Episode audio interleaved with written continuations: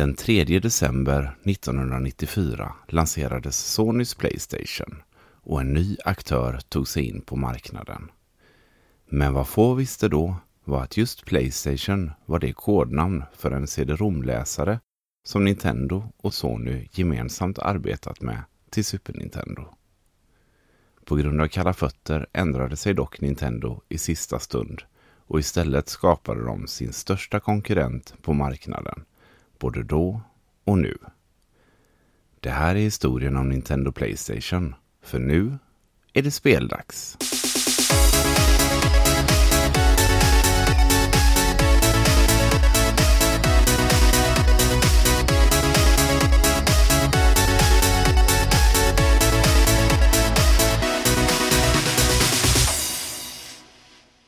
Idag är det svårt att tänka sig en tid utan Playstation som en av de givna konsolalternativen på tv-spelsmarknaden. Sedan sin lansering 1994 så har Playstation tillsammans med Nintendo varit det varumärke som främst associerats med tv-spel. Och det är inte så konstigt när man ser till försäljningssiffrorna. Redan med sin första konsol, Playstation 1, så dominerade Sony den femte generationen och sålde hela 102 miljoner enheter globalt. Att jämföras med Nintendo, som med Nintendo 64 plockade hem andra platsen med knappt 33 miljoner sålda enheter. Alltså mindre än en tredjedel av Sonys försäljning. Ser man till nästa generation så är åter Sony nummer ett med hela 155 miljoner sålda Playstation 2-enheter följt av Microsofts Xbox som gjorde sin debut med imponerande 24 miljoner konsoler sålda. Samt Nintendo med strax över 22 miljoner sålda GameCubes. Vid tid för inspelning är Playstation 2 fortfarande den tv-spelskonsol för hemmabruk som sålt bäst någonsin. Sonys trend har i stort sett hållit i sig. Med en något svajig start för Playstation 3 lyckades de ändå ta andra plats efter Nintendo Wii med nästan 90 miljoner sålda enheter. Och under den åttonde generationen så tog de sig återigen över 100 miljoner sålda exemplar och Sony hamnade med sin Playstation 4 åter på plats nummer ett. Så Sony har verkligen förtjänat sin plats som ett av de ledande varumärkena inom tv-spel och miljontals gamers har växt upp med deras konsoler och fortsätter göra det än idag. Men Playstation-historien börjar någon helt annanstans och med en helt annan ingång i tv-spelsbranschen.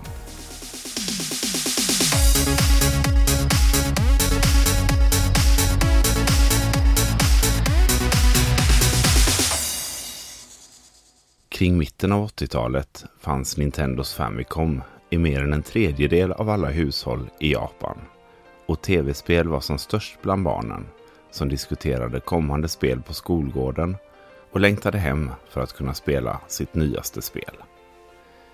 I ett av de hushållen fanns en flicka som ivrigt spelade på sitt Famicom så fort hon fick tid över. Hennes pappa noterade det ökade intresset för den då relativt nya produkten och tog med sig dessa tankar till sin arbetsplats. Den pappan var Ken Kotaragi och han arbetade som ingenjör på Sony.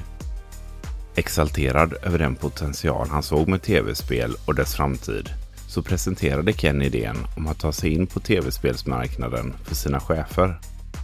Han blev dock nekad och fortsatte med sitt dagliga arbete men kunde inte riktigt släppa idén kring att en dag arbeta med tv-spel.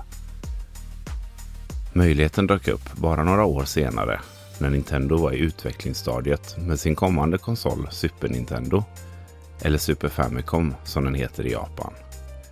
Ken Kutaragi hörde då själv av sig till Nintendo för att visa upp ett ljudchip han hade designat.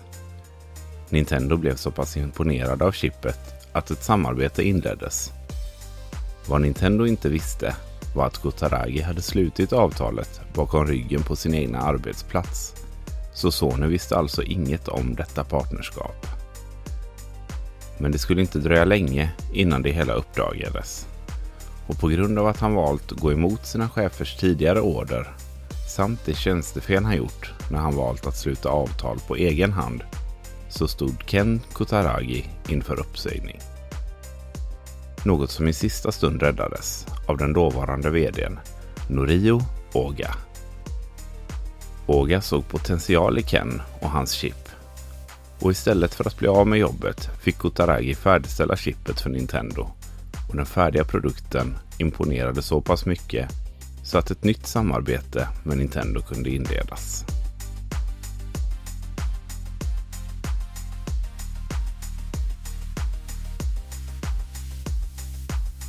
Nintendo hade i Japan med sin Famicom skapat tillbehöret Famicom Disk System. Famicom Disk System skapades för att tillgodose den stora efterfrågan på spel som rådde i Japan under 80-talet. De vanliga kassetterna som användes i Famicom hade chip som både var dyrare och tog längre tid att framställa. Men en hårdvara baserad på disketter, likt de disketter som användes till datorer under 80 och 90-talet, kunde Nintendo pressa spel både billigare och snabbare än tidigare.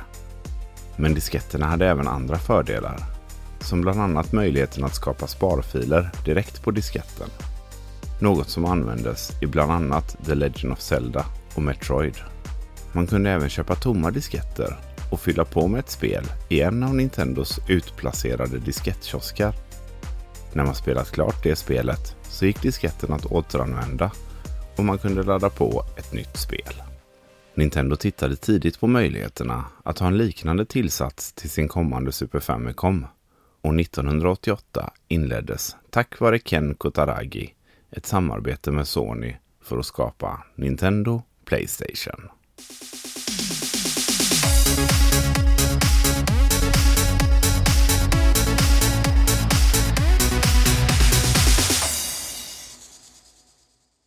Nintendo Playstation skulle bli ett CD-ROM-baserat tillbehör till Super Famicom. Som likt Famicom Disk System kopplades ihop med basenhetens underdel.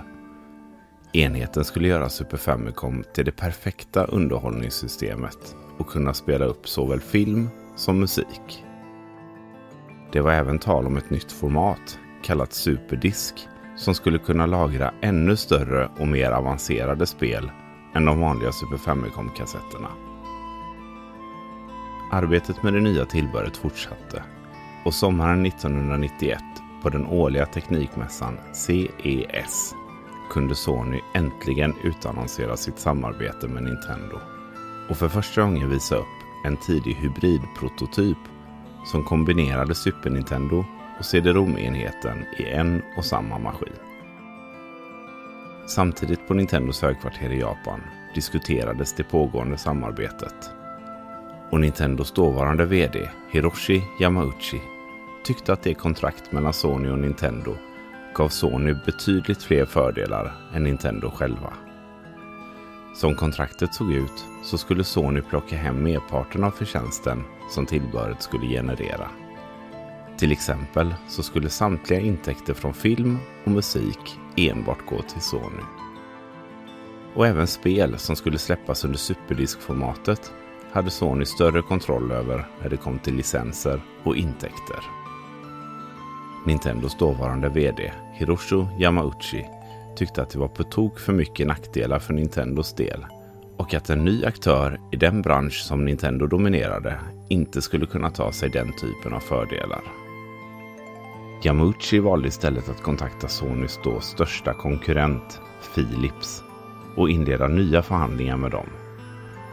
Något som han valde att göra utan att meddela Sony. Bara veckor innan CES-mässan 1991 så var Minoru Arakawa, dåvarande VD för Nintendo of America, tillsammans med Howard Lincoln, som var Arakawas högra hand, i Amsterdam och skrev på nya kontrakt med Philips. I dessa förhandlingar så skulle Nintendo ha full kontroll och äganderätt över framtida produkter kopplade till samarbetet. Och i gengäld så skulle Philips få låna några av Nintendos licenser till att göra egna spel till sin spelkonsol CDI. Dagen efter Sonys stora presskonferens på CES 1991 så var det Nintendos tur. Men istället för att, som Sony själva trodde, bekräfta samarbetet med Sony så kom Howard Lincoln upp på scenen och berättade om det nystartade samarbetet med Philips och att Nintendo valt att bryta sitt partnerskap med Sony. Detta kom att kallas det största sveket i branschen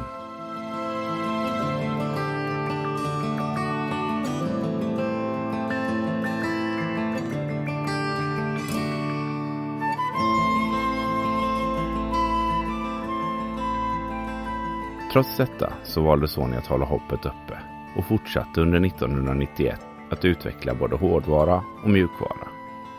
Under tiden så pågick nya förhandlingar med Nintendo och Sony var till viss del villig att möta Nintendo för en mer jämn fördelning av intäkterna. Men till slut så var det Sony som valde att avsluta förhandlingarna. Allt velande och det tidigare sveket på CES-mässan gjorde att Sony i maj 1992 avslutade alla samarbeten med Nintendo.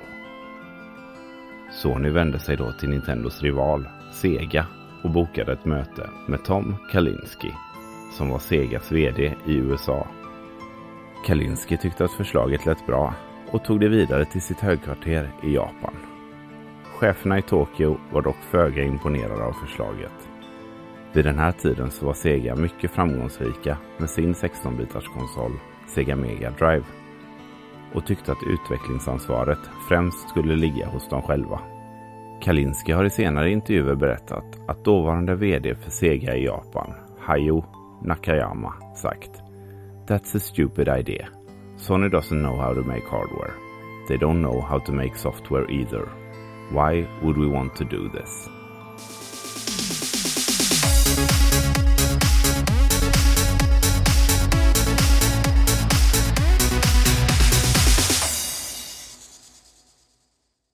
Sega tackat nej så samlades Sonys högsta chefer för att diskutera framtiden kring projektet. Ken Kutaragi var även han med på mötet. Men tyvärr gick det inte som han hade velat. De flesta på mötet tyckte att det var en dålig idé att ge sig in i en ny bransch och såg tv-spel som en tillfälligt populär leksak som redan nått sin peak. Men Kutaragi vägrade ge sig och efter ett privat möte med Sonys VD Norio Oga där Kutaragi påmint Oga om den förnedring Nintendo utsatt både honom själv och Sony som företag valde Oga att återigen samla Sonys chefer för ett nytt möte.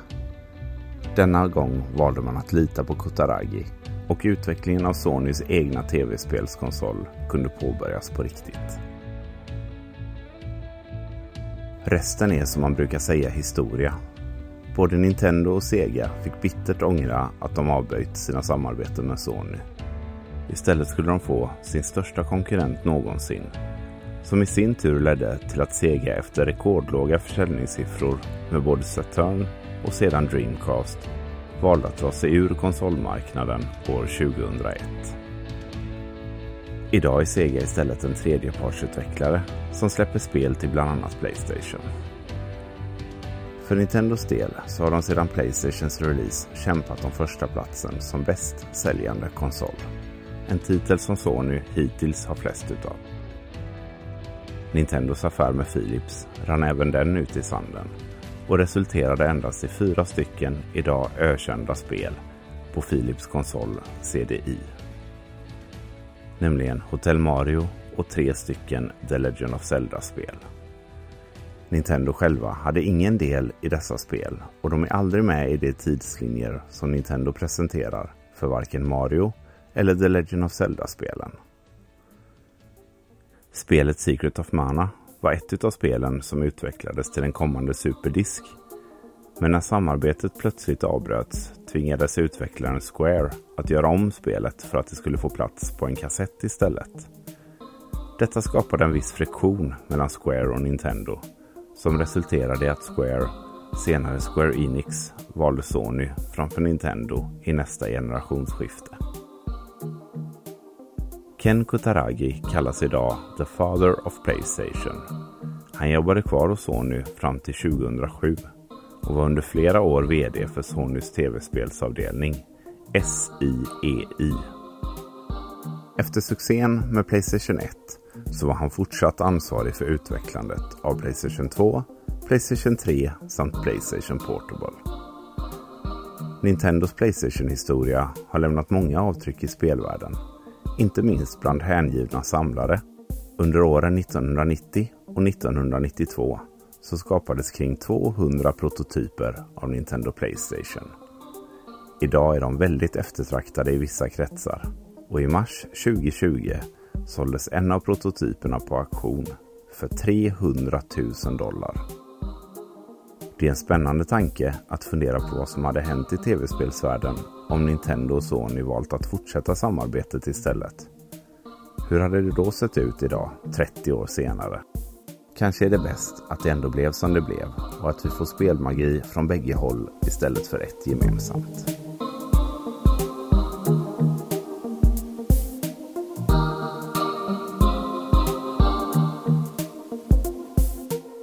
Tack för att ni har lyssnat. Vill ni stötta podden så lämna gärna ett omdöme i den app ni lyssnar på. Ni får mer än gärna följa mig på Instagram också. Där heter jag kort och gott Speldags. Vill man komma i kontakt med mig så är det enklast på Instagram. Men man kan även mejla på speldagspodcast@gmail.com. Det är alltså speldagspodcast i ett ord gmail.com. Ha en härlig dag så hörs vi. Hej!